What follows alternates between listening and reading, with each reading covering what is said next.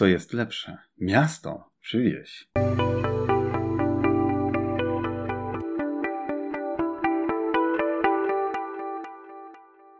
Dzień dobry Państwu, nazywam się Miłosz Szymański, a to jest głos Kongresu Obywatelskiego. Zapraszam Państwa na odcinek piąty, dla mnie już powakacyjny, pod tytułem Między miastem a wsią opowieść o nowej wspólnotowości. Chciałbym zacząć od dwóch pierwszych zdań, które pojawiają się w rozdziale o tym samym tytule co dzisiejsza audycja w publikacji Kongresu Obywatelskiego, noszącej tytuł Siła sąsiedztwa i lokalności dla budowy lepszej Polski, która jest dostępna do ściągnięcia za darmo ze strony Kongresu Obywatelskiego. W tejże publikacji w jednym z ostatnich rozdziałów, czyli Między Miastem a Wsią opowieść o nowej wspólnotowości, dr Janna Hołda i dr Mariusz Sagan zaczynają od takich zdań, które będą punktem wyjścia do dalszych rozważań. Mianowicie, zdanie pierwsze brzmi: Ludzie od wieków przenoszą się ze wsi do miast. Zdanie drugie: Od pewnego czasu jesteśmy też świadkami odwrotnego procesu, który zostanie spotęgowany za sprawą pandemii. Samo to przenoszenie się ze wsi do miast oczywiście zawsze powodowało spore tarcia, no bo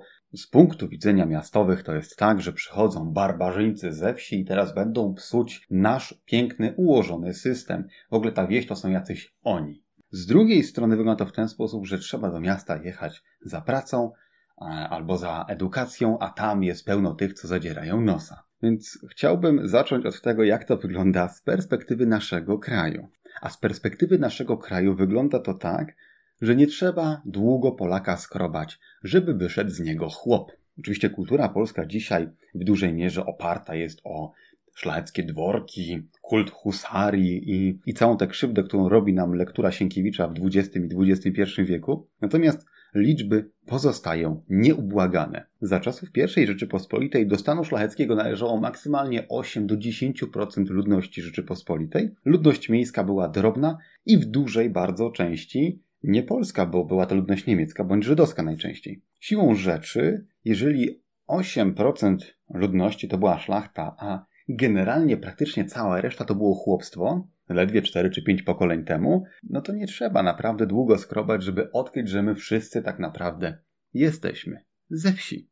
W drugiej Rzeczypospolitej, z której to czasów mamy trochę dokładniejsze statystyki, dotyczące tak naprawdę naszych dziadków, możemy się spokojnie dowiedzieć, że poziom urbanizacji II RP był naprawdę słaby. Bezpośrednio po I wojnie światowej było to raptem 18%. Liczba ta zmniejszyła się nieznacznie, gdyż w przededniu II wojny światowej w Rzeczypospolitej 70% ludności mieszkało na wsi, a 60% utrzymywało się z roli. Natomiast te 30%, które mieszkało w miastach, no także nie stanowi jakiegoś solidnego fundamentu dla mieszczańskiej mentalności w Rzeczypospolitej dziś, gdyż w największych miastach był spory udział mniejszości narodowych. W Warszawie 30% ludności to była ludność żydowska. W Łodzi 30% była ludność żydowska, jeszcze do tego było 10% Niemców. W Lwowie, trzecim największym ówcześnie mieście, 1 czwarta mieszkańców to byli Żydzi, 10% Ukraińcy. No Poznań był niemal wyłącznie polski, bo Niemcy w większości uciekli z Poznania, aczkolwiek ledwie kilkanaście lat wcześniej Niemców w Poznaniu było około 1 trzeciej ludności. W Krakowie ćwierć ludności była ludnością żydowską,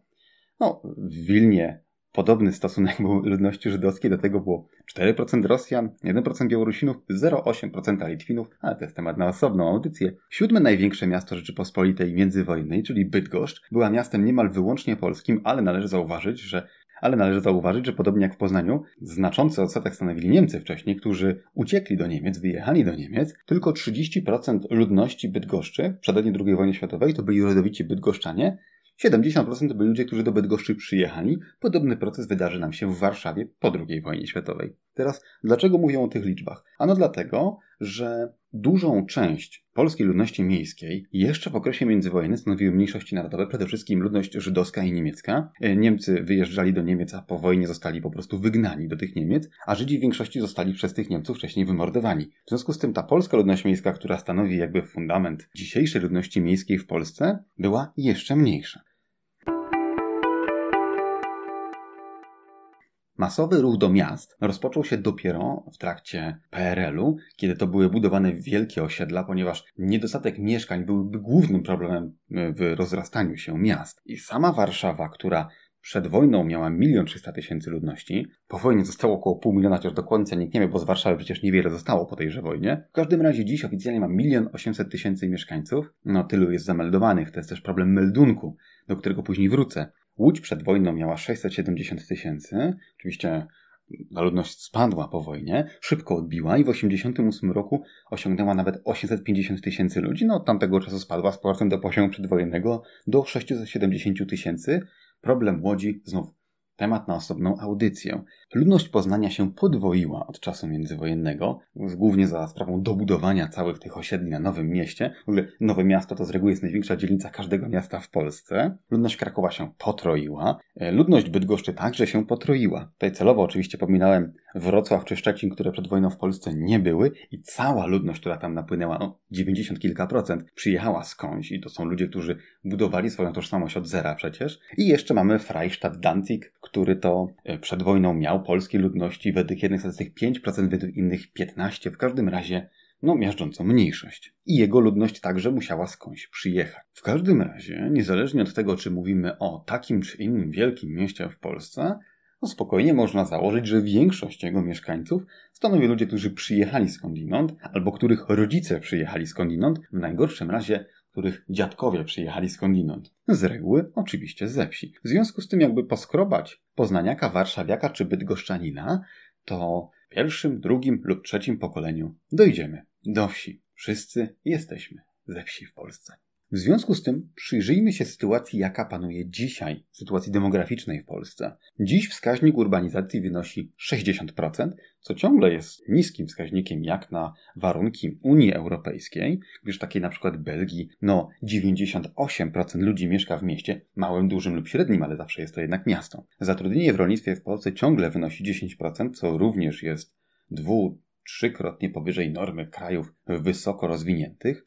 W związku z tym 40% ludności Polski mieszka na wsi i co czwarty mieszkaniec wsi zajmuje się rolą, przynajmniej formalnie. I teraz największą wsią w Polsce są kozy. Kozy mają 13 tysięcy mieszkańców i w Polsce jest 600 miast, które mają mniej ludności niż kozy. Z ogólnej liczby 954, to znaczy można spokojnie powiedzieć, że kozy są większe niż większość polskich miast. Tym większe niż niektóre miasta powiatowe, bo takie Sejny mają 5 tysięcy mieszkańców, Mońki mają 10, Łobez ma 10 tysięcy. Wszystko to są miasta, które są siedzibą władz powiatu. Mniejsze od największej wsi w Polsce. A już tym bardziej kozy większe są od najmniejszego miasta, czyli Opatowca w województwie świętokrzyskim, który mieszkańców ma 338. Oczywiście kozy nie mają 13 tysięcy mieszkańców dlatego, że są taką gigantyczną wsią, w której mieszka tylu rolników. Nie. Kozy są przedmieściem Bielska Białej. Jest to nowy typ wsi, który pojawił się w Polsce wraz z suburbanizacją, która przyszła do nas w latach 90.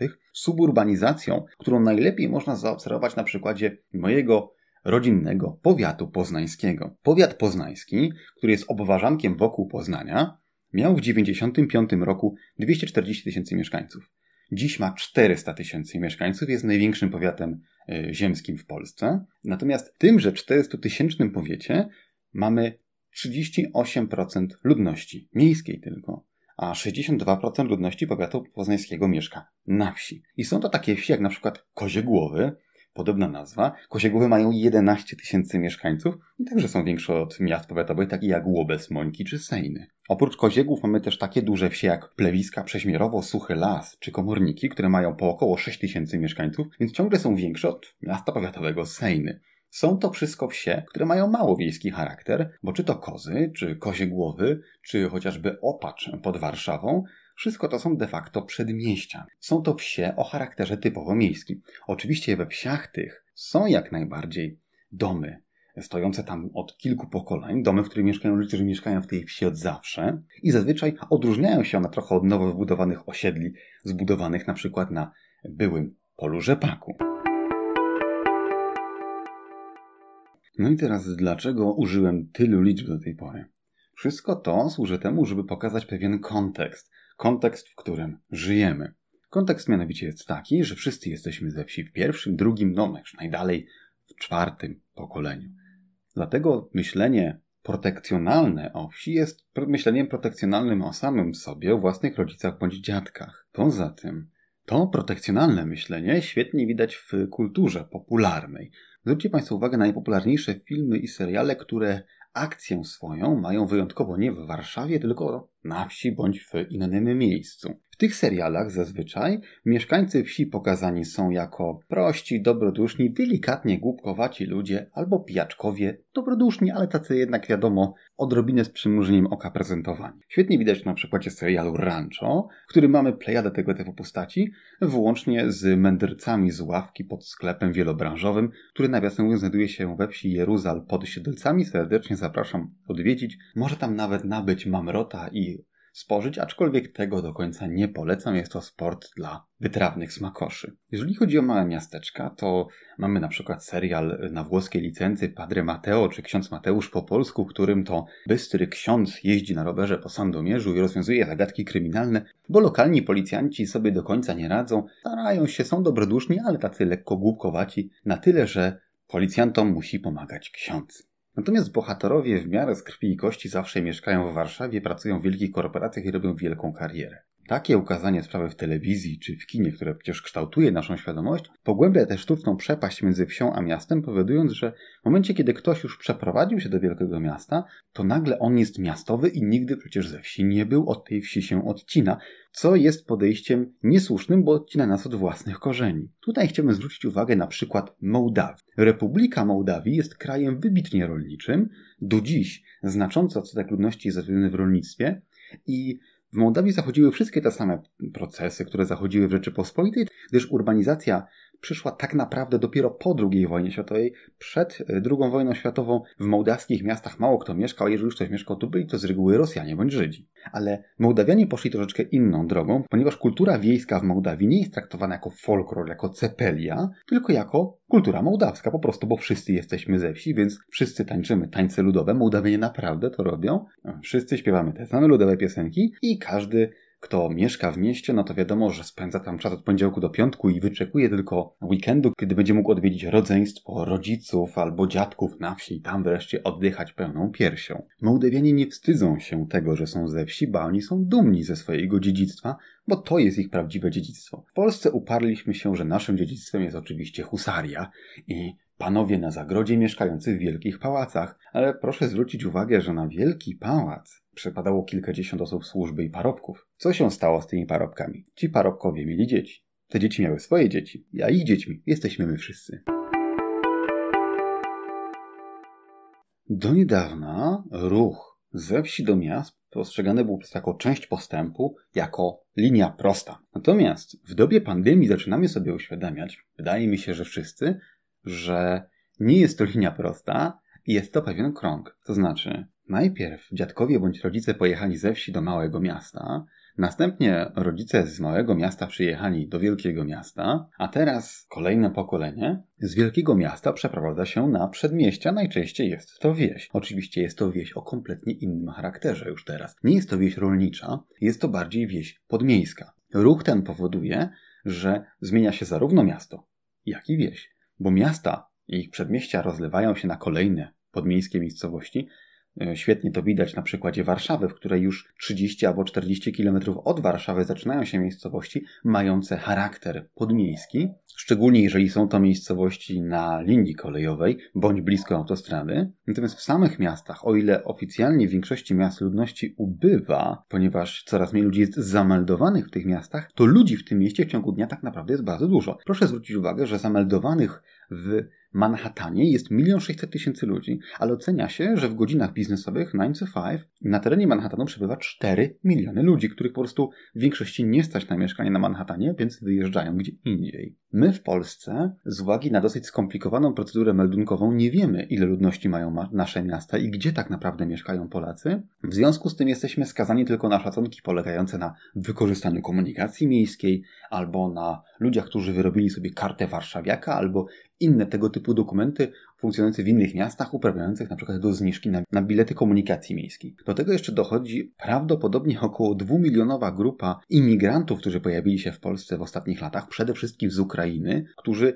nie są prawidłowo liczeni, także nie wiemy ilu Ukraińców mieszka w Polsce w tej chwili. Wiemy natomiast, że oni w miażdżącej większości mieszkają w miastach. Aczkolwiek należy zauważyć, że można z tym systemem meldunkowym pójść dalej, jak to ma miejsce w Chinach, gdzie obowiązuje system, dosyć restrykcyjny system meldunku z języka chińskiego huko, który to jest na tyle skomplikowany, że jeśli ma się meldunek w jednej gminie, to nie można dzieci posłać do szkoły w innej gminie. Podobnie są ograniczenia w kwestii korzystania z innych usług miejskich. W związku z tym osoba bez meldunku, na przykład w Szanghaju, nie ma w tym mieście praktycznie żadnych praw. I też do końca nie wiadomo w związku z tym, ilu ludzi w tym Szanghaju mieszka w tej chwili. Jednak wracając na polskie podwórko, należy zauważyć, że spokojnie można założyć, że na 1 800 tysięcy osób zameldowanych w Warszawie spokojnie możemy dorzucić z pół miliona ludzi, którzy wynajmują mieszkanie w Warszawie, ale zameldowani w niej nie są. W związku z tym Warszawa traci na tym, zresztą nie tylko Warszawa, podobnie traci Poznań, Bydgoszcz czy Częstochowa,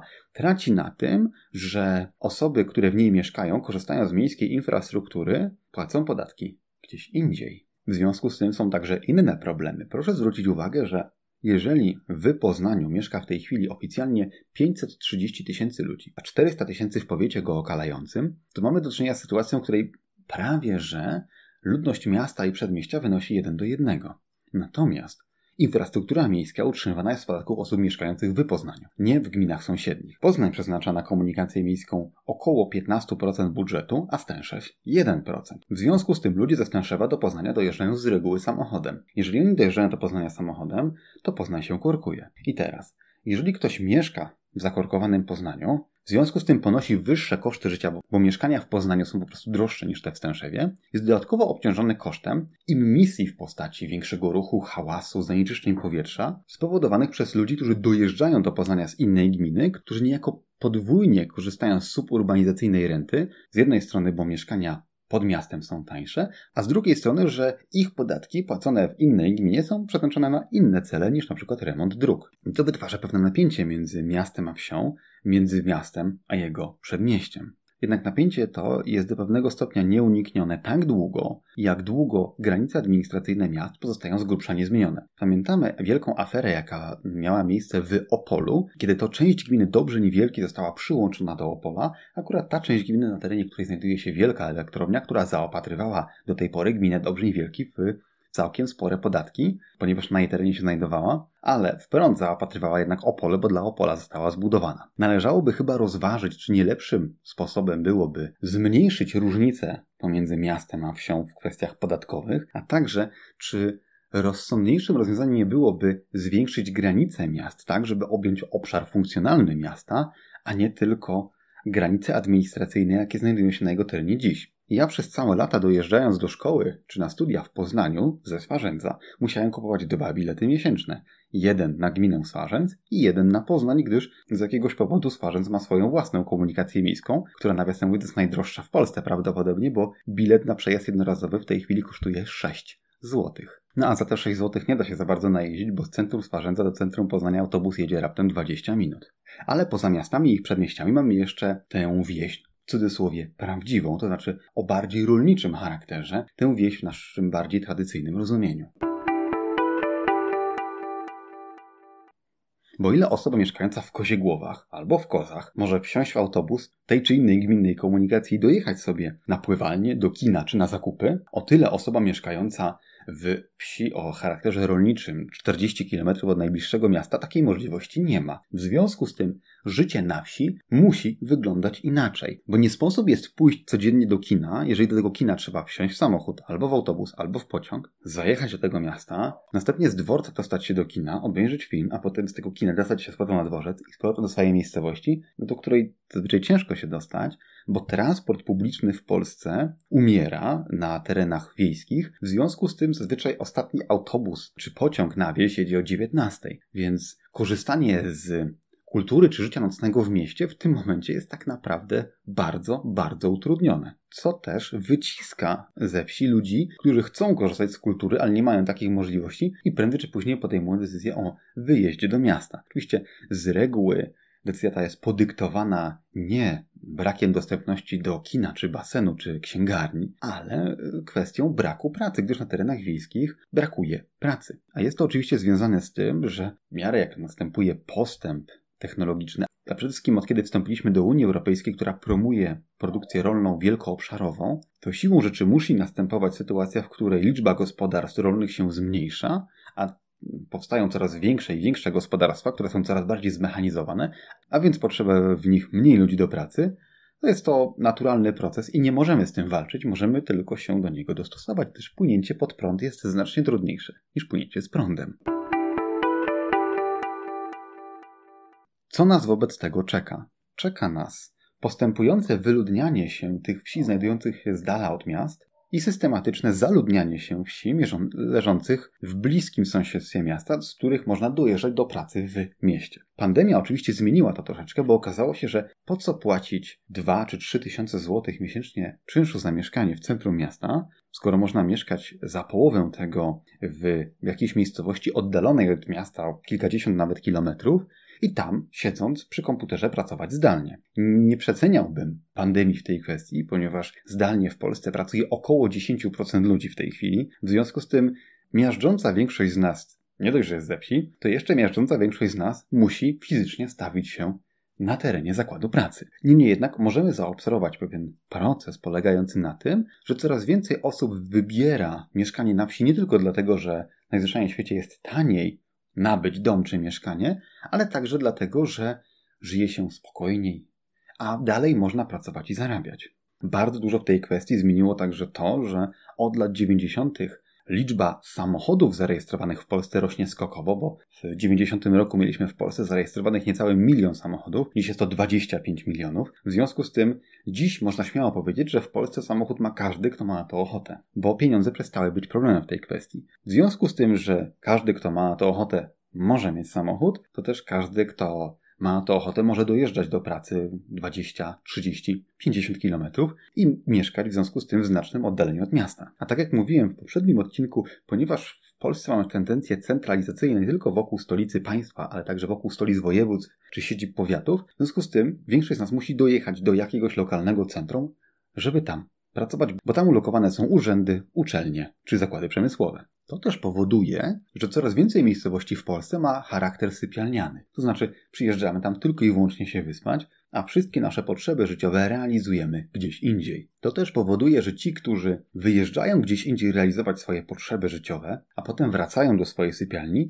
są bardzo często traktowani jako niepełnowartościowe mieszczuchy przez tych, którzy realizują swoje potrzeby w tym samym miejscu, w którym sypiają. Jest to oczywiście bardzo niekorzystne podejście, ponieważ buduje pewien sztuczny podział, który tak naprawdę bardzo często zasadza się na chłodnej kalkulacji, polegającej najzwyczajniej na tym, że bardzo często nie stać nas na to, żeby wziąć tak duży kredyt mieszkaniowy, żeby kupić sobie mieszkanie w upragnionym mieście i trzeba pójść na pewien kompromis z życiem. A przecież życie jest pełne kompromisów i musimy być tego świadomi. I chciałbym Państwa pozostawić z myślą, że podział między miastem a wsią w Polsce bardzo mocno się zaciera i bardzo często jest to kwestia wyboru, czy mieszkamy na wsi, czy w mieście, a wybór ten bardzo często jest po prostu kalkulacją. Więc dzisiejsze mieszczuchy mogą być jutrzejszymi wieśniakami, a dzisiejsi wieśniacy mogą być jutrzejszymi mieszczuchami. Dziękuję Państwu pięknie za uwagę i zapraszam na następny odcinek Głosu Kongresu Obywatelskiego.